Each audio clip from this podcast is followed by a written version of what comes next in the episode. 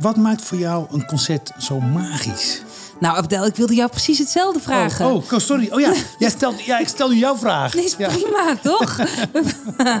nee, ja. Hey, daarvoor doen we deze podcast. Mhm. Abdel, wat maakt een concert zo magisch? wat maakt de Ja, beleving ja, zo ongelooflijk? Muziek kan je soms zo naar een andere wereld brengen. En, en dat je alleen maar kan vol, eigenlijk met de verbazing, de verwondering van een kind luistert. Het gek is, is, is toch vaak ook eh, bijvoorbeeld de, de herinnering. Ik was in een concert en dan ging ik zo op in de muziek. En begon iemand te kuchen. En dat, dat, ik, dat, ik dat, dat ik daar op dat moment was en van die muziek genoot. En dat ik eigenlijk niet uit die muziek wilde verdwijnen. Dat betekent dat je echt inderdaad ver weg was. Als een kuch jou opeens eruit haalt. Heb jij er last van, van kuchs? Als, jij zo Als ik speel of als Ja. ik luister? Als je speelt? Eh, nou, ik heb wel eens iemand horen zeggen terwijl ik speelde, duurt het nog lang? En dat, eh, dat haalde me zeker uit jij, concentratie. en ik eerlijk gezegd moest ik echt nog maar heel even. Maar ja, nee. Ehm, nee ik, ben, ik heb inmiddels een hele dikke huid gekregen. Ik ben niet zo snel eh, van me apropos te brengen. Maar als publiek wel. Hmm. Je bent werkelijk opgezogen door een werk van Schumann eh, op de piano door een van de briljante pianist. En opeens eh, gaat er een telefoon af, om maar, om maar iets te noemen. Ja. En dat heeft zo niet te maken met de wereld waar je in zit. Ja, dat, dat, dat zijn gewoon twee, zeg je dat, tektonische platen die dan Ja. tegen elkaar aan botsen. Eh, Dus muziek is toch betovering. nou ja, daar gaan we. Is, ja, ik, nou, nu hoeven we geen podcast meer te maken. Maar het- nou, wat- wat- die gaan we dus wel maken. Het Ja, nee, het klopt. We gaan in, eh, in een paar afleveringen echt even in de diepte duiken. wat een concert nou een concert maakt. Want ja, is het die zaal of is het eh, die piano die er staat? Dus dat je weet dat er muziek gaat klinken. Is het eh, de pianist die erachter zit? Is het publiek dat er opeens is gaan zitten? Of is het gewoon ook de, de muziek? Ja, dat is de basis. Ja. Dat alles eh, wordt eh, voorafgegaan door een, een tune. Jij wilde heel graag voor deze podcast een tune maken. En je gaat me nu drie, drie tunetjes laten horen. En dan mag ik er één uitkiezen. Nou ja, nee, nee, wacht even. Dit, even, even terug in de tijd. Ehm, ik heb nog nooit een podcast gemaakt. En je hoort bij verschillende podcasts verschillende muzieken. En ik dacht, ik weet het gewoon nog niet. Wat moet het begin worden van onze podcast, Abdel? Dus ik dacht, ja, ik moet jou een paar voorbeelden geven van, even wel, wel geteld, eh, bestaande muziek.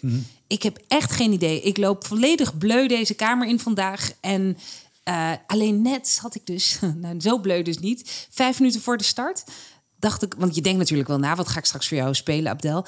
En opeens dacht ik, oh, dit is wel eigenlijk muziek die precies dat symboliseert wat we nu doen. Ehm, ik zal het even spelen. want ik ga, lekker achter de piano zitten. Die is een je meter gaat verder. achter de piano. Die zit echt, nee, je zit 30 centimeter achter je.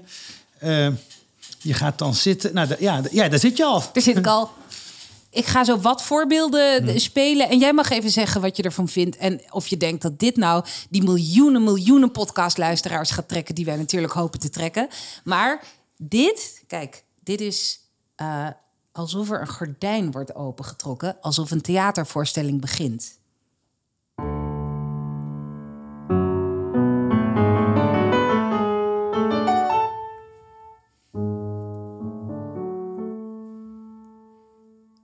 Dit is het ook hoor. Maar, Want daarna begint het stuk pas. Want daarna begint een echte wals. Daarna begint een wals. Dit is Robert Schumann. Hè? Dus we zouden altijd gewoon met deze twee seconden kunnen beginnen. Maar ehm, ik zie jou nog niet meteen Nee, nee, ik, enthousiast. eh, ik, ik vind het mooi. Maar heb je iets, iets, meer, iets meer funky, iets meer jazzy? Oh. Iets, iets meer iets, want het- ze noemen het een bumper Ja. in, in, in Maar je weet dat ik podcasttermen. En je moet, meteen, en moet meteen zo, je moet meteen dat puntje van je stoel zitten. Denken van, waar gaat dit heen? Eh, Abdel, weet, je weet dat ik een klassieke pianist ben, toch? Ja. Ja. Nu zet je me echt voor het blok. Nee, oké. Nou, we kunnen wel ehm, bijvoorbeeld... eh,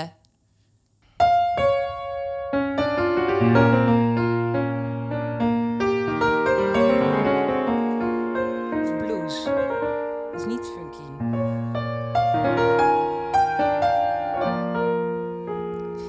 Dat zou kunnen. Ja, dit, het is al wat meer Schumann op doop. Ja. maar weet je nog dat vroeger het sportjournaal begon... eh, en dat het altijd eh, dezelfde toon had Ja. die gewoon heel opbeurend is?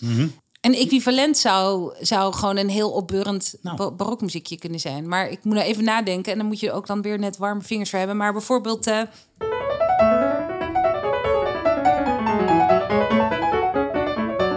helemaal ja. hysterisch van zelf. Maar dat moet ik dan elke nou, keer zo beginnen. ik, ik, ik, zit nu wel in de podcast. Nu zit je in de podcast. Of bijvoorbeeld.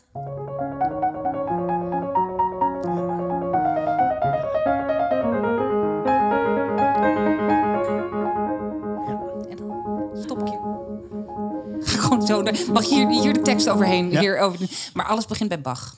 Dit, dit was Bach. Dit was Bach. Heel mooi. Kom er weer bij. Ja. Um, hou, we houden Bach vast voor de tune. Ja. Welkom bij Keys to Music, de podcast, waar we de deur openen naar de magische wereld van live pianomuziek. Ik ben Daria van den Berken en samen met meesterverteller Abdelkader Benali gaan we in gesprek. En we praten samen met ons publiek, met gasten, over wat live muziek zo bijzonder maakt. Dus zet je schrap voor een onvergetelijke rit terwijl we samen de toetsen van de muziek aanslaan. Welkom bij Keys to Music, de podcast. Met vandaag het concert van je leven. Keys to Music, de podcast. Wat gaan we eigenlijk doen? Nou, we hebben verteld, we gaan vanuit vijf verschillende thema's gaan we kijken naar wat maakt het, uh, dat, dat concert zo magisch. Ik doe dat met jou. Ik, in elke aflevering dompelen we onszelf onder. Uh, in, in de, de, muzikus, de piano, de, uh, de, concertzaal, de beleving, de muziek. We doen dat, nou, ik ben elkaar Benali voor de, voor de luisteraar. Daarin van de Berken. Oh, het is tijd dat we ons introduceren. Ja, ja, ja want de, luisteraar kent ons nog niet. Nee, Abdel, ga je jezelf introduceren? Nou goed, ik ben schrijver, programmamaker, vader van twee dochters. En ik, ik hou van klassieke muziek. Ik weet er al helemaal niks vanaf. En dat is volgens mij een ideale positie om dit gesprek met jou aan te gaan. De komende zes afleveringen. Want jij bent zo'n prettige, eh, spannende, wilde verteller. Die ook nog eens ongelooflijk goed kan spelen ik vind verhalen vertellen het mooiste wat er is. En ik heb gewoon heel veel zin om erachter te komen wat, wat, wat nou dat geheim is van de klassieke muziek. Ik hou van die muziek en, uh, en ik, ik word helemaal, helemaal vrolijk van het, van het luisteren en erover praten met jou. Oh, ik heb ja. hier nu al zo'n zin in. Ik ga mezelf ook even introduceren. Ik ben Daria van de Berken. Uh, ik ben pianist. Ik ben moeder van twee dochters, maar niet de jouwe. Waarvan akte? Ja, nee, ja, toch, moet toch even zeggen. Hoe oud zijn ze? Uh, zes en anderhalf. Ja, die van mij zijn drie en acht, dus ze kunnen niet nee, uh, nee. Ja, van jou zijn. Ja. Nee, nee, laten we erop houden. Nee, kan niet. Um, nee, uh, en inderdaad, um, Abdel, wij kennen elkaar al een tijdje. Ja. Zullen we even zeggen waar we elkaar nou van kennen? Ik, ik, ik, ken jou via, uh, via jouw zus, Jeroenke van den Berken. Celliste, uh, ook actief als programmamaker in de klassieke muziekwereld. Ilonka en ik kennen elkaar al meer dan 25 jaar. We kwamen elkaar tegen in Leiden toen ik studeerde bij een Russische leesclub. Nou, daar komt hij. Precies. Dit leesclubje was van een hele goede vriendin van mijn ouders. En uh, jullie gingen daar Russische literatuur lezen. In het Nederlands, hè? In het Nederlands, ja. ja. Ja, precies. Ik weet nog, volgens mij, ik was 17. Ik zat nog op de middelbare school. En, en mijn zus, Ilonka, vertelde uh, dat ze ook jou daar had ontmoet. En dat, dat jullie daar in een leesclub zaten. En ik zat daar echt met mijn hooghartige hoofd. Ik zat op dat moment in de Duitse literatuur. Echt Russische literatuur. There, done that, dacht ik. Ik had net voor mijn lijst alles gelezen. Je hebt, een Russische, je hebt een Russische, jullie hebben een Russische moeder. Ja, ja. klopt. Ja, we hebben allebei een... Uh, dus de Russische taal en de Russische muziek, dat zit gewoon in de familie. Ja, maar ik heb ook alles in het Nederlands gelezen. Oh. Russisch lezen ging bij mij iets te langzaam. En ik wilde die verhalen verslinden, inderdaad. Hmm. En jullie dus in die leesclub. Maar ik was nog niet zo vrij om dan ook uh, zomaar naar Leiden uh, daar naartoe te gaan en dan vooral uit te gaan. Want volgens mij deden jullie dat flink na afloop. Um, en uh, ja, nou ja, en, en zo wist ik van jouw bestaan af. Ja. En hebben we elkaar, denk ik, in de loop der jaren uh, ja, in het culturele veld wel. Uh, ja. Oh god, dat, klinkt dat erg. Het culturele veld. Culturele veld. Eeuw. nou ja, ik heb, je, ik heb jou natuurlijk, wij zijn Facebook vrienden. Ja, ja dat, precies, in het sociale veld. En, en daar volg ik jou. Veld, ja. en, en, ik heb toch wel jouw carrière wel echt uh, vleugels zien krijgen. wat ik zo mooi vind, jij bent voor mij echt die moderne kunstenaar. Zowel de, de concertpraktijk, cd's, maar ook meteen bezig om die klassieke muziek in de breedste zin van het woord te, te propageren eigenlijk. En daar nieuwe vorm aan te geven. Door middel van de Piano Biennale, die je één keer in twee jaar festival. doet. Festival. Maar ook iets waanzinnigs wat je hebt gedaan. In Sao Paulo heb, je, heb je piano gespeeld. Toen heb je de piano laten ophangen aan een kraan. Ja. En, en zweefde je 50 meter boven het publiek. Nou, niet zo ver. 30 meter. Oh, 30 ik zat 30 meter, meter boven, de, boven de grond. En in, met een bungee cord aan mijn, uh, aan mijn lijf. en geen plateau, maar op een of andere manier... een lineaaltje hield mijn hak vast. Dus ik kon, ik kon wel pedalen gebruiken. Maar uh, ik had zo de, de, martelaar van Sao Paulo kunnen worden als ik was gevallen. Nee, het was een linkse activist die dat had bedacht. Die wilde muziek naar de mensen brengen. Maar uh, ja, die wilde inderdaad, het was een festival waar echt de duizenden Sao Paulo naar rondliepen. En uh, 200 podia van Gilberto Gil tot theater, tot kookkunsten, tot klassieke muziek. En de klassieke muziek was op een plein naast het operagebouw in Sao Paulo. Je hebt daar een prachtig operagebouw. Uh, en ik weet niet of je weet hoeveel een gemiddeld kaartje kost voor de opera. Nee. Nou, nou, in Nederland weet ik het wel. Ja, ik, kan het niet betalen. Nee, maar daar nog minder. Want het is daar, volgens mij is hier gemiddeld kaartje 100 euro of 120 euro. En in Sao Paulo uh, min, vanaf 250 dollar of zo. Zoiets. Ja, dus heel veel. Dus uh, ze hadden een brug naast, die, naast dat operagebouw. Daar hadden ze een kraan neergezet. En die kraan, nou, dat, is, dat gaat dus omhoog. En aan die kraan hing de vleugel en ik. En die ging over dat plein heen. Dus ik, ik was al wat hoger vanwege die brug. En, en toen ging ik dus, dus aan ja. een buntje koord daarop te spelen. Is ook een muzikale herinnering? Heb je daar ook dingen anders gespeeld dan als je ze op de, op, de, op de aarde had gespeeld? Nou, daar, daar heb je wel een belangrijk punt. Want ik, ik had ook een paar andere dingen gedaan. Namelijk spelen op een rijdende vleugel. En, en spelen in mijn eigen huis, uh, waar ik gewoon willekeurige mensen van straat had gevraagd: wil je even komen luisteren? En in Sao Paulo dacht ik: gaat dit niet te ver? Ik kan toch niet meer lekker spelen, dacht ik bij mezelf. En ik dacht ook: ik ben hier zo nerveus over. Ik ga alleen maar moeilijke stukken spelen om maar op het op, op het toetsenbord te blijven kijken. Dus ik ging allemaal fuga spelen en allemaal snelle, uh, snelle riedels uit de broktijd, namelijk allemaal Hendel natuurlijk. Um, gek genoeg was de warmte van het publiek, de manier waarop ze dat hele event in zich opnamen. Ik, ik voelde gewoon die warmte. En daar hebben we het al meteen over een concertbeleving. Ik, als je, op het moment dat je, die, dat, dat je dat voelt, en een soort oprechte interesse ook. Ja, dus, toen ging dus, best wel lekker spelen. Dus de rol van het publiek is dus ook gewoon belangrijk voor, het, voor, dat, voor het ideale concert waarvan je droomt. Ja, ja, en voorheen dacht ik altijd: het ideale concert is in een ideale ruimte waar de akoestiek ideaal is en waar je gewoon op een hmm. ideale vleugel speelt voor een ideaal publiek. En ik wist nog niet van stil, denk je dan gewoon, als ze maar stil zijn of zoiets. Um, en dat is toen op dat moment in Sao Paulo rigoureus veranderd. Gewoon meteen gingen alle andere deurtjes in mijn hoofd open. Hmm. En ik dacht, wauw, een ideaal concert kan er heel anders uitzien. Ja. Nou, geweldig. Onbevreesd, avontuurlijk. En, en eigenlijk is deze podcast is gewoon een, ja, een, een, lood, een nieuwe lood aan dat, aan dat, aan dat avontuur. Uh, wat, wat we samen gaan doen. En, en dat doen we niet alleen, want we, hebben, we bellen wetenschappers op om te praten over het ideale concert. We, we praten met collega-muzici uit de praktijk. Die staan allemaal te, te, trappelen ook om hun verhalen te vertellen. We dus, hebben zometeen ook een hele interessante gast, maar dat houden we nog even geheim. Dat houden we nog even geheim. Ja. ja. Dus we kennen elkaar al best wel lang, ja. uh, wat we net hebben uitgelegd. Maar ik heb dus geen idee wat jouw eerste muzikale uh, ervaring is geweest die jou echt is bijgebleven. Ja. Kan je me dat vertellen? Ja, dit was het Dreft-reclame.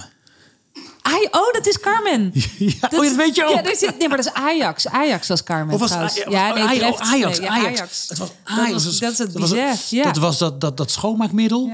En daar was een reclame van, begin, eind, jaren, eind jaren 80. Ja. Ja, en die, dat kwam dan langs op de tv. En ik, en ik werd, nou ja, ik, vrouwen die dan begonnen. Ja, het was natuurlijk de tijd dat, dat, dat, dat schoonmaken vooral met vrouwen werd geassocieerd. allemaal vrouwen in lange jurken die, die, die, die, die, die de boel gingen schoonmaken. En je hoorde dus Carmen. Hè, ja. ik, ik, ga niet neurien, want dat kost ons luisteraars.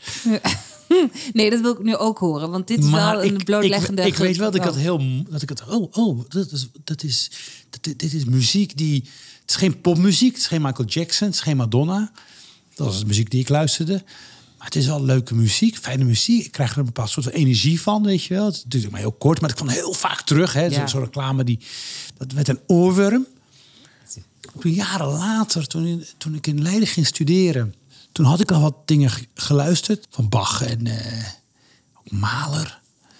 En ik heb toen ik in eh, Leiden ging studeren, kocht ik een cd met uh, zo'n verzamel-cd. Weet je wel, met allemaal hoogtepunten de klassieke muziek.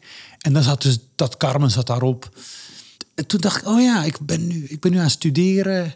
Ik luister naar deze muziek. En, en dat luisteren naar Carmen bracht me weer terug naar dat jochie dat ik was. Dus dat ook iets, dat ook iets heel, ja, iets heel, uh, iets heel warms. Dus het werd ook, die muziek werd ook, uh, werd ook een manier om, om weer contact te maken met het verleden eigenlijk. En vond je het nog steeds net zo mooie muziek als toen? Ah, ik vond het heel mooie muziek. En wat ik zo leuk vind, is ik, uh, ik heb twee dochters, hè, eentje van acht en eentje van drie. En die een paar jaar geleden uh, zette ik uh, dus die muziek op voor mijn dochter. En de Carmen die dan La Habanera zingt. Ja. En met, mijn dochter was vier. En die had meteen samen luisteren naar die muziek, weet je wel. Oh, dat was meteen, mooi. het was meteen fijn. Cirkels rond. Het was meteen, de cirkel is rond, weet je ja. wel. En uh, nu, nu, zit ze op, nu zit ze op operales. dus, nee. nee. eigenlijk is de cirkel nog helemaal niet rond. Wij wachten totdat jouw dochter ja. Carmen zingt nee, bij Nederlandse het, maar opera. Dan, dan is natuurlijk de vraag, ja kijk, dus muziek is emotie. Ben je er niet een beetje bang, Daria, dat als we er heel veel over gaan praten met al die wetenschappers en columnisten en muziek, dat, dat dan die magie een beetje weggaat? Nee, ik ben er absoluut niet bang voor. Nee. Het is mijn bread and butter. Het is mijn levensreden. Uh, mm -hmm. uh, ja. Dus ik, uh, nee hoor, ik denk dat je er heel veel over kan praten. Het is wel zo dat als ik heel veel praat, dat het verlangen om te spelen steeds groter wordt. Want, want spelen is toch fijner dan praten. Ja. Maar uh, nee hoor, ben ik niet bang voor. Sterker nog, een wetenschapper gaat een heel fijn tegengeluid geven. Want volgens mij zijn wij heel romantisch aan het praten over ja. muziek. En, uh, Wanneer begon het voor jou, die, oh, muziek?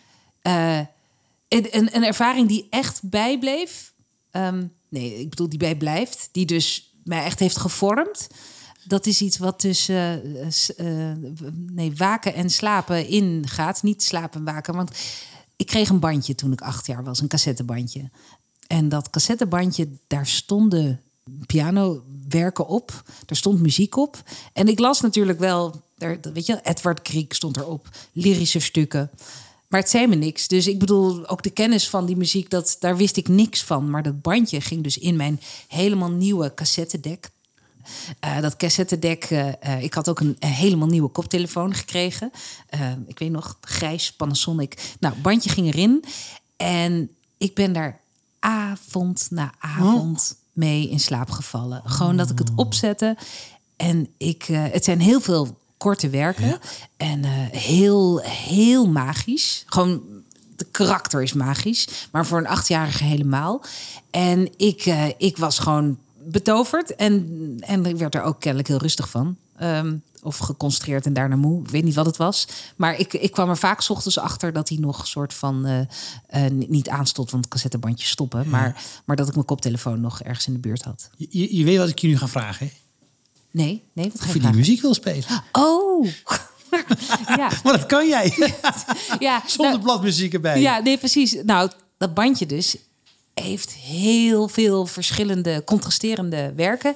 Ook binnen één werk. Ik weet niet, zal ik nu het geheel spelen van bijvoorbeeld een nocturne? Wat ik, wat, ik, wat ik leuk vind is dat je nu al een van de thema's aanraakt die we straks gaan behandelen, namelijk de kracht van de muziek. Hè? Ja. Gewoon de muziek zelf. Gewoon de muziek zelf. Laten we het daarover hebben. De, die muziek, in een van de podcasts gaan we het over die muziek hebben. Ja. Je gaat iets ons laten horen waar je als, als kind mee in slaap bent gevallen. Ja. En je gaat mij vertellen wat de kracht is van, dat, van die muziek. Ja, dan ga ik hem eerst helemaal spelen en dan. Uh, oh ja. dan uh, Vertel eerst even wat je gaat spelen. Ja, dit is dus uit de, de lyrische werken van Edward Kriek, een Noorse componist. Um, een nocturne, dus dat is een nachtstuk vertaald. Een nachtstuk in de zin van muziek waarmee je afsluit. Waarmee de nacht ingaat. Weet je dat dat volledig in het midden wordt gelaten? Kijk, titels betekenen niet zoveel. Okay. Zoals ik al zei, toen het ik acht was... Het had ook ochtend kunnen ja, betekenen. absoluut. Sterker nog, ik heb het altijd onthouden als morgen. nee, ik, ik wil hierbij... Echt, die, die, titel was gewoon onzin. Ja, nee, ja, ik wil hierbij heel graag het statement maken dat titels... Tuurlijk, soms zijn ze heel belangrijk hoor. Daar ga ik niet overheen, overheen. Maar ik wist als achtjarige ook niet wat de titels waren. Ik zat niet op dat bandje te turen van... Oh, zijn we nu aanbeland bij uh, Cobalt? Er zijn stukje komen. Mm. Dat ben ik pas later gaan doen. Maar de magie was er al. En dat was genoeg. En, en, en dus is dit, laten we het zo zeggen, dit is stuk, dit is anoniem. Zonder titel.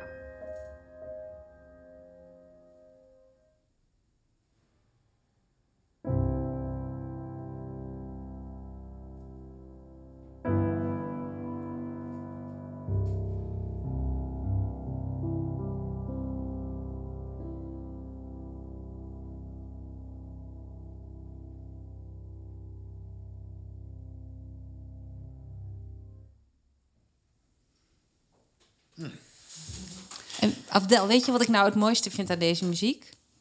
De stiltes. Ja. En sterker nog, niet alleen de stiltes in dit stuk, maar stiltes is een enorm krachtig wapen hmm. van, van componisten. Van uh, het moment dat er een stilte valt, dan zit je in het, in het luchtledige. Dan zit ergens in je hoofd zit wat je net hebt gehoord. Maar de verrassing van wat komen gaat, is, uh, is wat, een, wat een geniaal werker geniaal werk maakt. En, en op dat bandje hè, waar we het over hebben, dan was het ook nog eens het contrast. Want ik weet nog, na, na dit stuk was ik meestal weg volgens mij. Ik kan me nooit herinneren wat na, na dit stuk komt. Maar um, je hebt bijvoorbeeld, uh, uh, als hier dus een stilte valt en op een gegeven moment dan.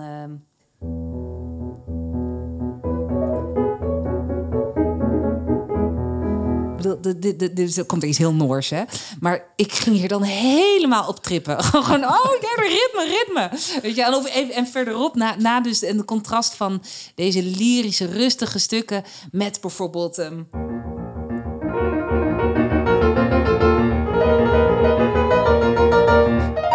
ik ken het helemaal niet. Maar um, dat, dat was wat voor mij uh, die muziek zo ongelooflijk uh, machtig maakte. Want ik werd echt na, na korte niemandslanden werd je werkelijk meteen in een andere wereld gegooid. En, en binnen dit stuk zit dat ook. Hè? Bijvoorbeeld, ik bedoel, het moment dat je hebt gehad, ik weet niet of dit is, dit, uh, je hebt dit gehad. Oké, okay. kan gewoon afgelopen zijn, toch? Als je ja. dit hoort. Maar dan opeens. En we hebben dit toch. En dan gaat het nog verder.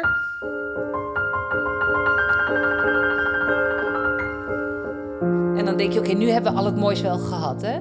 En dan opeens... Dit is misschien wel het hoogtepunt van het hele stuk. Oh nee, het wordt nog meer.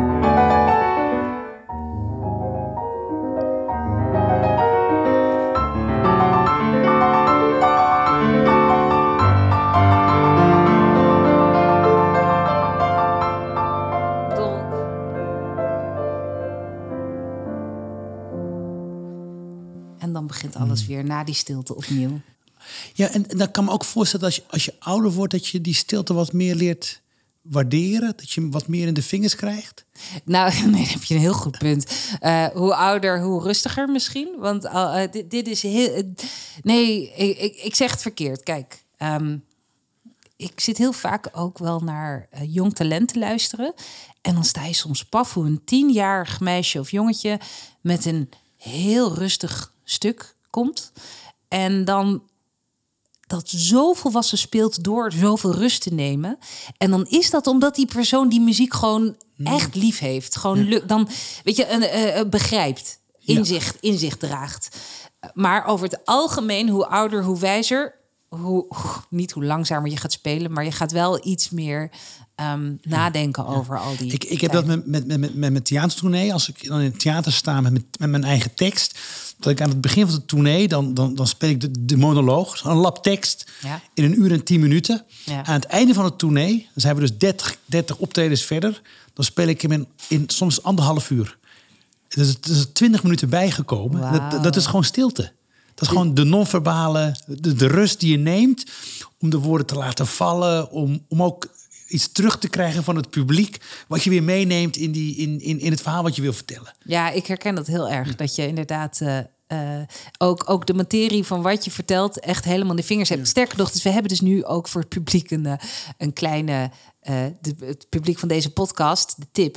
Ga eigenlijk tegen het einde van de tournee pas naar het stuk, want dan zit het er echt in. Dan is het best. Kom even bij zitten, Daria. Ja. We, we, moeten, we gaan door. Want we hebben nog heel veel te, vertellen. En, gelukkig, het worden dus vijf podcasten die we maken. Waarin we uitgebreid ingaan op, uh, op de kracht van de muziek, de kracht van de piano, het concert, het publiek. Uh, we hebben denk ik, nu denk ik uh, de muziek bondig en goed besproken. We hebben denk ik ook het ook gehad over de rol van de pianist daarin. De, de, de, de uitvoerende muzikus. Wat doet ervaring met je? Wat, wat doet betovering met je? Ik zag je ook spelen. En ik zag ook die, dat, dat, die muziek werd ook onderdeel van je lichaam, zag ik. Je, oh, ja. je zweefde zo met die muziek mee. Ja, heb je dan zelf niet door? No, kijk je nooit naar jezelf terug? Eh, naar, naar een concert als er opnames zijn? Nee, nee dat doe je Nee, maar ik doe het wel. Maar, maar uh, nee, ik, ik krijg heel vaak inderdaad van... oh, je moet naar je gezicht kijken als je speelt. Want dat is zo leuk. Maar ik heb geen idee wat ik met nou, mijn gezicht doe. Zo, dat, dat, jou die muziek ook zien beleven... versterkt ook bij mij de muziekbelevenis. Ja. Wauw. Daar gaan we het ook nog over ja, hebben. Daar wil ik heel graag horen wat je daarover te zeggen hebt. Ja. voordat we richting het derde thema gaan, namelijk uh, ja, de concertzaal, de plek zelf. Ja. Um, misschien, misschien wel een goed moment om de columnist van ja. dienst voor te stellen. Onze mystery guest van vandaag. Doe jij het of doe ik het? Ja, de mystery guest van vandaag, maar ook alle, alle volgende nou, podcasts. Ja, nee, klopt. Nee, we hebben met een column over, over, hoe, hè, over, over dit onderwerp. En uh, ja. Geweldig recensent, uh, inmiddels ook schrijver. Ja. Uh, nou, vertel het maar. Ja, nee, we hebben Erik Voermans gevraagd om ons te versterken in onze, in onze podcast. Um, ik had Erik, kom je erbij zitten? Dat zou super, super gezellig zijn. Um, weet je, we gaan even voor podcast ja. live. We gaan even ja, ja. Ja, dag Erik. Je bent, je bent kritisch uitgesproken en met, met een zekere met een lichte ironie in je, in je recensies, ook in je columns. Is er zoiets als, als het ideale concert? Ja, het hangt van zoveel dingen af. Het is echt zo'n waanzinnig complexe vraag die je nu stelt. Ehm, ja, het ideale concert is natuurlijk het concert waar je als een, als een ander mens vandaan komt. En dat, uh, dat hangt van, het hangt van zoveel dingen af. Wat heb je gegeten? Oké, dat is ook een thema. Geen... Zesde podcast. Het voedsel. Het is geen grap. Als je honger hebt of weet ik veel, of hebt vies gegeten, dan zit je toch, ja, weet ik veel, half zagrijnig in de zaal. Heb je net ruzie gehad met je vrouw of je kind of, of uh, je, je, partner, weet ik veel. Uh, heb je er überhaupt zin in? Ja. Dat is een vraag die eh, de gewone gemiddelde concertbezoeker zich niet zal stellen. Want die heeft heel bewust een kaartje aangeschaft voor het betreffende concert. Maar als recensent moet je naar concerten. Dat klinkt nou even heel erg cynisch. Maar soms heb je niet zoveel zin misschien. En dan... Brande, vraag me mij. Kan jij als recensent nog onbevangen luisteren? Nee, dat, dat kan niet meer. Nee, dat kan niet meer. Ja, jammer je weet, je weet, ja, je bereidt je voor, daar begint het al mee. Ik, ik ben eigenlijk uh, ben ik een keiharde voorstander van uh, anoniem luisteren. Daar bedoel ik mee dat je helemaal geen flauw idee hebt wat je te horen gaat krijgen. Idealiter ook helemaal niet dat je niet weet wie de dirigent is of de pianist. Maar ja, dat kan niet, want die zie je. Dus je herkent hem meteen. Nee, want als je niks weet, ga je pas echt serieus onbevangen luisteren. Ja. En dan heb ik een uh, leuke anekdote paraat. Ravel die uh, was onderdeel van een, uh, een, een blinddoekconcert. En tijdens dat concert ging zijn uh, stuk uh, Vals Noble et Sentimentale. Dat is een, nou ja, toch wel een meesterwerk mogen we dat noemen. Hartstikke beroemd pianostuk. Maar niemand had dat op, op dat moment nog gehoord. Niemand wist ook dat het een stuk van Ravel zou zijn. Want er kwamen gewoon een aantal stukken langs en iedereen luisterde daar onbevangen naar. En het is een stuk dat een beetje terugkijkt. Het is, het is geen modern Raveliaans stuk. Het zijn walsjes, een beetje, een beetje historiserend van toon. Dus, Zei je historiserend? Historiserend, terugkijkend. Uh, dus Ravel zit omringd door zijn vrienden. Zit hij in de zaal en die pianist begint dat stuk te spelen... en die vrienden beginnen te gniffelen. moet je nou toch eens horen wat een ouderwets stuk. En Ravel die zat... Uh, ja, die, die, die heeft denk ik eh, meteen uitgemaakt met al die vrienden daarna. Want pas na afloop werd bekendgemaakt waar ze naar hadden geluisterd. Ja. En, uh, en toch is dat de een, eigenlijk de enige goede manier om echt te luisteren, echt onbevangen te luisteren. Want als ik al weet, het is een stuk van Beethoven of zo, dat ik dan misschien niet ken, ja. dan zit ik al helemaal in mijn Be Beethoven bewonderingsmodus. En dan krijgt hij meteen al twintig bonuspunten. Hm. Ik ben het helemaal met je eens, Erik. Ik denk alleen, alleen dat het ook kan niet. Wat? Het kan alleen niet. Nou ja, nee, daarna is natuurlijk het opnieuw luisteren van een stuk... kan of die vrienden opeens hebben overgehaald van... oh, dit is eigenlijk... Ja. Oh, wacht even, nu luister ik pas goed. Of nu heb ik wel goed gegeten. En wauw, dit stuk is inderdaad nu een, een stuk beter ook voor mij geworden. Dus, dus ja, je hebt inderdaad die eerste onbevangen... dat eerste onbevangen luistermoment... Um, op die op die specifieke plek, op die specifieke première. En dan daarna ga je herluisteren en dan kan je je mening veranderen. Ja. ja. Ja. dat is voor een criticus ook. Uh, het komt eigenlijk bijna nooit voor, maar ik ga natuurlijk veel naar premières. Dan hoor je zo'n stuk voor het eerst. De componist in de zaal hoort het voor het eerst. Ja, dan moet je meteen een mening hebben. De duim gaat omhoog of de duim gaat naar beneden. Of je weet het niet. Ja, en soms schrijf je dan een eh, best wel uh, hard stukje. Maar dat is een getuigenis van een eerste ervaring. En als, als dat stuk dan later op cd uitkomt of zo... je kan er nog eens tien keer naar luisteren... dan denk je, jezus, ik heb me totaal vergist. Het is een hartstikke goed stuk. Nou, best, spijt gehad van Best regelmatig eigenlijk, ja. Spijt, ja. Nou ja, eventueel wel, ja. En heb je dan eh, die componist of muzikus wel eens geantwoord van... hey, sorry... Nou ja, dat, dat staat dan in mijn stukje. Want dan ga ik die, die, die CD natuurlijk bespreken. En dan schrijf ik: Ik vond er in de eerste keer vond ik er geen bal aan. Maar ik heb me vergist, mensen. Het is een hartstikke goed stuk. en dan hoop ik maar dat hij of zij dat leest. En dan, uh... Je gaat elke keer een column voorlezen. En we gaan luisteren naar je eerste column. Heeft het een titel? Uh, herinnering 1 heet het.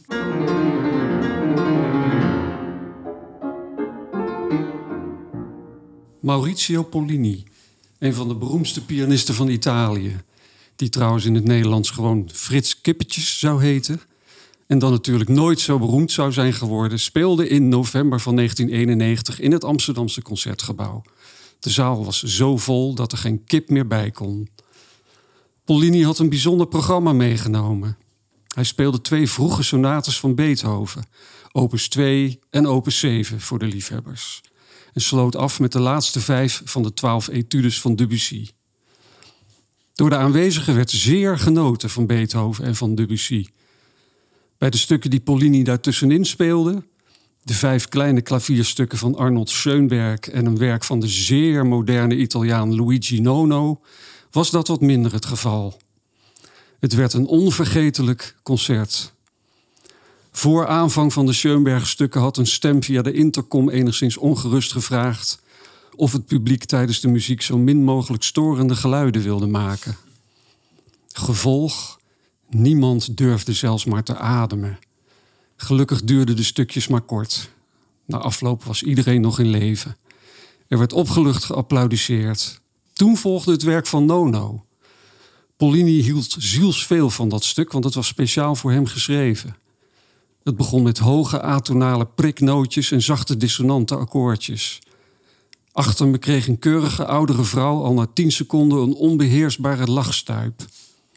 Overal om me heen klonk paniekerig gefluister en gedempt gemopper. Ik keek naar Pollini en voelde opeens zijn eenzaamheid. Toen het stuk was afgelopen, nam Pollini het applaus in ontvangst met een gezicht dat strak stond van woede. Pas na vier jaar kwam hij weer terug naar het concertgebouw.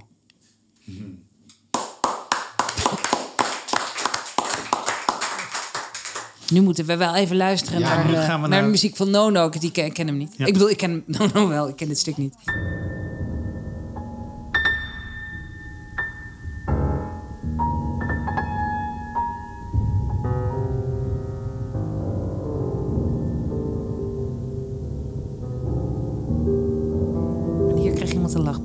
Ja.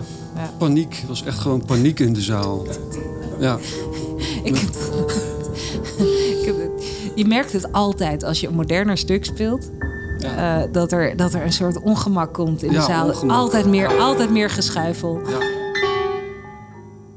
ja. dat mensen dan beginnen te lachen. Dat, gewoon puur, ja, dat is, ze konden het totaal niet handelen. Nee. En dat is verder helemaal geen kritiek of flauwdoenerij of zo. Maar... Nee als er, als er iets komt, eh, ik zou zeggen, als er iets komt wat je niet kent, dan ga je dus extra stil zijn. Ja. Omdat je dat voor het eerst wil horen. Maar dat is dus niet de. Uh, de, ik moet soms vergeten dat de mode soms echt zit, uh, is zitten en ontspannen. En gewoon genieten. En als er iets komt wat helemaal nieuw in de oren klinkt, kan dat heel ongemakkelijk zijn. Ja. Daar moet je dan maar net even voor openstaan dat moment? Nou, dat kon ik als, eh, als recensent al echt helemaal nooit ontspannen zitten. Ik stond stijf van de zenuwen in die zaal, want ik moest, er een ik moest iets vinden. Hmm. Dus ook uh, ouder worden helpt ook bij het recensentendom. Zeker, zeker.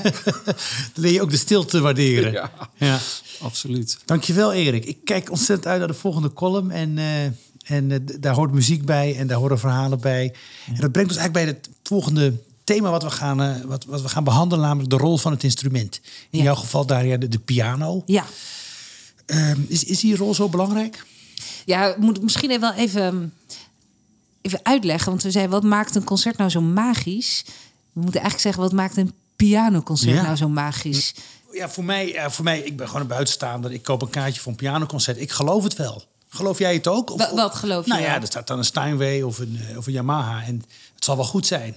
Ja, is dat meteen wat dat je denkt? Dat ik denk, ja. ja. Dat die, bedoelt, die piano is gestemd, klinkt lekker. Is en, dat, iemand... dat het eigenlijk niet uitmaakt dat er gewoon zo goed is over nagedacht. Dat, maar goed, die... Maar dat is geweldig eigenlijk. Als, je, als, je, als dat zo'n piano op een leeg podium al doet. Van het, dat je denkt, het is goed. Ja. En dan moet het concert nog zelfs beginnen. Ik heb daar zo ontzag voor. Zo, daar staat zo'n zo, zo zwart uh, muziekbeest. Ja. En dat maakt dan zoveel indruk op me. Ja. En dan, komt, dan kom jij en dan ga je achter zitten. En daar golft dan die, die, die, die, die noten uit. Dat, nou, daar zeg je wat, golven. Want, maar, uh... maar lijkt mij niet makkelijk, want jij, moet, jij hebt natuurlijk jarenlang gestudeerd om dat zwarte muziekbeest uh, in toom te houden. Ja. En dan heb je, heb je geoefend, je hebt uh, gerepeteerd, je hebt een doorloop gedaan. Dan begint het concert. En dan? Dan voelt die piano altijd weer anders omdat, omdat het concert gewoon een andere, letterlijk andere luchtdruk heeft. En de adrenaline en alles zorgt ervoor dat al het inspelen eigenlijk voor nop is geweest. Dat gevoel heb ik altijd. Het is niet helemaal waar, want je hebt, een, je hebt wel degelijk een basisje waardoor je weet het is goed. Ik moet het nu gewoon doen. Maar eigenlijk voelt hij als nieuw. Waar, waar ik tijdens het inspelen heb gedacht. Oh, die piano is best wel zwaar eigenlijk. God, is wel zo. Er is iets met deze vleugel. Ik heb geleerd dat gewoon te negeren, dat gevoel. Want op een concert heb ik daar nooit meer last van. En, uh, maar ik, eh, nog een stukje terug. Dat bakbeest staat er sinds 100 jaar. Maar daarvoor waren natuurlijk andere instrumenten. En ik speel muziek uit de tijd van andere instrumenten. En dan heb ik het echt over de tijd dat de clavecimbal ja. uh, in een... De tijd van de barok tijd van de barok. En de clavecimbal stond dan in een zaaltje. In een, in een, in een paleis salonzaalachtig iets. En uh, een clavecimbal, een clavecimbal draagt niet zo ver. En een ja. clavecimbal is een heel ander instrument. Ja.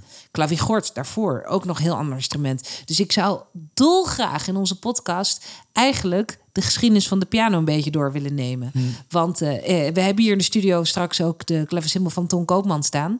Oh. En uh, dan, dan, dan kunnen we daar wat op luisteren. En diezelfde muziek op de piano klinkt weer helemaal anders. Ja, en, en, en wat ik me ook kan voorstellen, die, die, die, die barokmuziek is geschreven voor niet voor de concertzaal, maar voor, voor, voor, voor de hoven en de paleizen en, en, en de huiskamers. Ja. De clavicimbal is een veel kleiner instrument. Ja. Veel intiemer ook. Hè? Veel, veel meer. Uh, uh, en dan speel jij die barokmuziek op zo'n Steinway of een Yamaha. Wat doe je dan om die intimiteit er weer in, in te krijgen? Oh, die vergeet je gewoon. Oh, ja. ja. nee. heel simpel is eigenlijk uh, te stellen dat je heel anders over de muziek moet nadenken naar gelang het instrument je voor je hebt.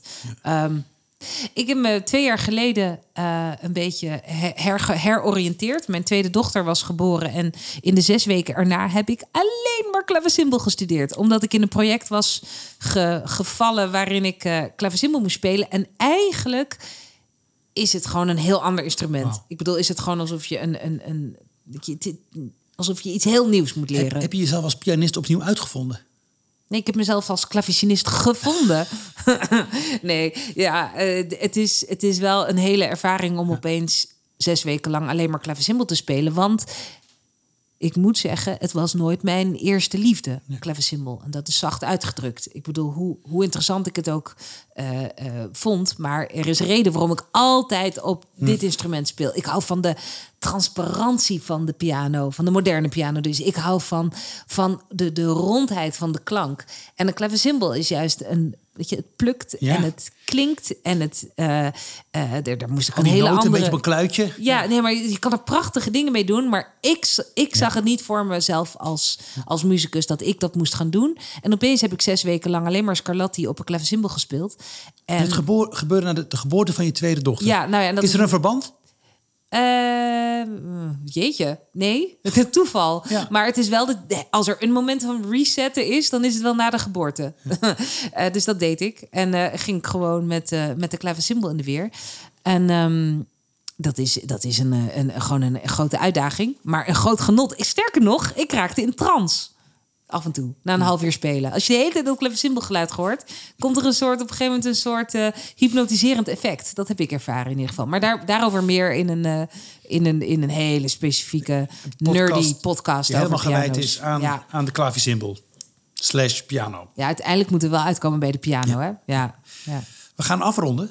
Nu al? Ja. Tijd vliegt. Hè? Ja. Maar we, we, hebben het nog we niet over het publiek een, gehad. We, gaan het nu al, we, we, hebben het over de concertzaal gehad. Ja. We hebben het over jou gehad als, als, als muzikus, uitvoerend muzikus. Ja. We hebben het over de muziek gehad. We hebben het over uh, de piano gehad. En we gaan het nu hebben over het publiek. Ja. ja. Nou ja, publiek, dat maakt het concert. Hoe was het om het voor het allereerst als professioneel muzikus voor publiek op te treden, Daria? Jeetje, de eerste keer was zo'n zo'n voorspelmiddag van mijn juf aan de overkant van de straat. En dat is, weet je, nou, nee, ik heb het bij heel veel kinderen gezien. Tot je tiende is alles makkelijk. Ook voor publiek spelen. Geen enkel probleem, dat doe je gewoon. En het is gewoon plezier. Ik weet niet, ik, misschien is het ook bij sport en spel. En, gewoon, je hebt, een soort, je hebt een soort onbevreesdheid, dat doe je gewoon. Maar ik, ik, wat ik heb begrepen is dat, dat voor jouw collega-muzici... is dat, dat ze het heel, heel zwaar vinden om op te treden voor, voor publiek. Ja, dat, dat sommigen sommige gaan er ook aan ten onder. Nou, precies. Dat, ja. dat, dat choqueerde me. Nee, er komt een moment van, uh, van enorm zelfbewustzijn. En ik had dat ook ergens toen ik elf was. Ik zat inmiddels op de jong talentklas van het conservatorium. En uh, ik moest een voorspelavond doen. En ik was niet zo goed voorbereid als ik, uh, als ik had gewenst. Of weet ik veel wat ik wenste. Ik, ik dacht, dit doe ik wel even. Het was Rachmaninoff. Uh, ik moest oh. Rachmaninoff spelen op een voorspelavond.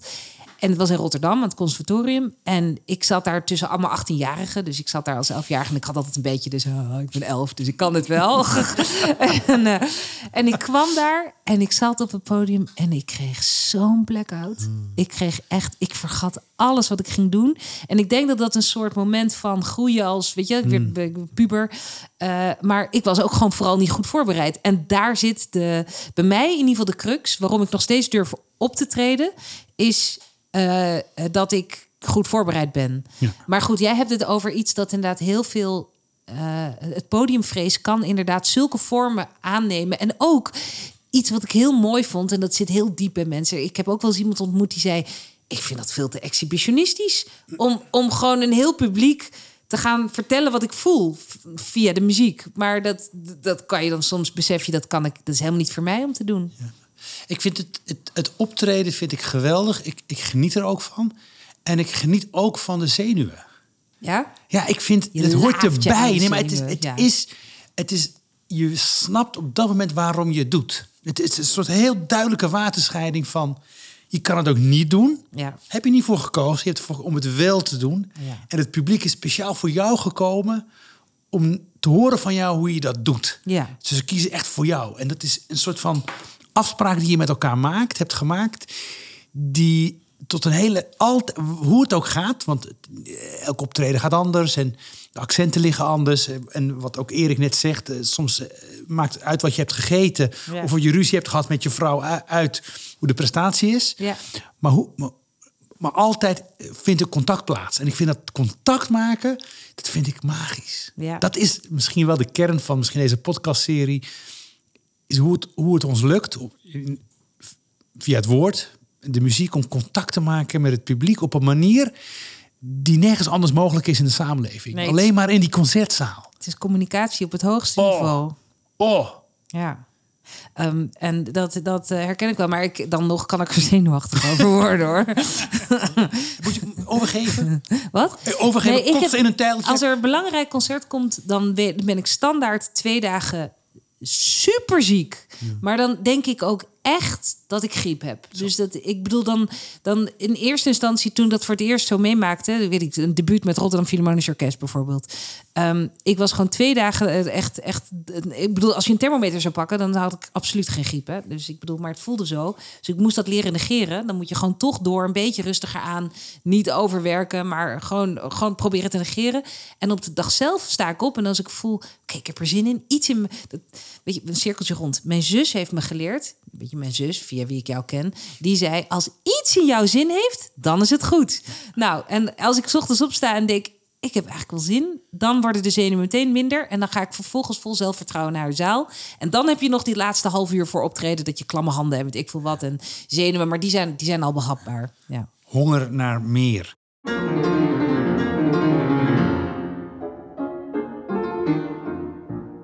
We zijn aan het einde gekomen. Ja. Maar we eindigen uiteindelijk toch gewoon weer in de romantiek. Want je wil eindigen met een brief. Klopt. Nou, het leek me leuk om ook de componisten te laten spreken. En, ehm, en die schrijven hele mooie brieven aan elkaar ehm, en aan anderen.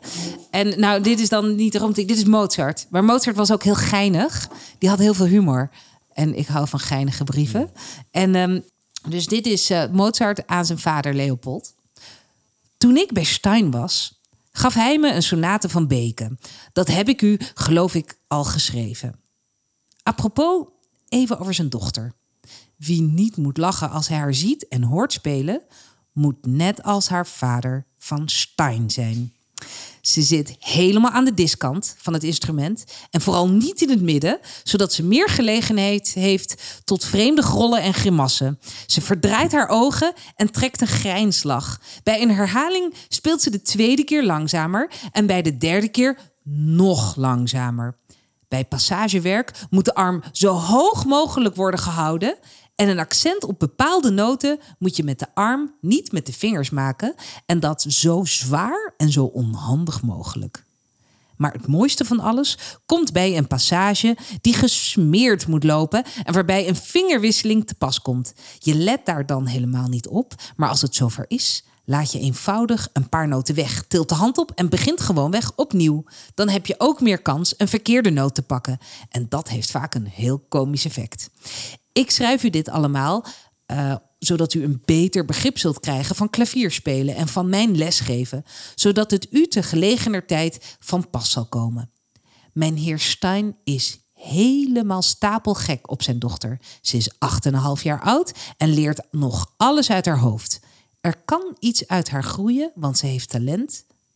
Maar op deze manier wordt het nooit iets. Daria, dankjewel voor dit uur. Uh, Jij bedankt, Abdel. Alsjeblieft. We zien elkaar snel bij, uh, bij, de, bij de tweede podcast.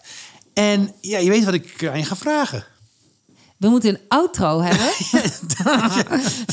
ik ga gewoon een heel stuk spelen. Ik, ik, ik vind korte stukjes vind ik, uh, vind ik lastiger spelen dan langere stukjes. Maar het wordt niet, niet een half uur of zo hoor.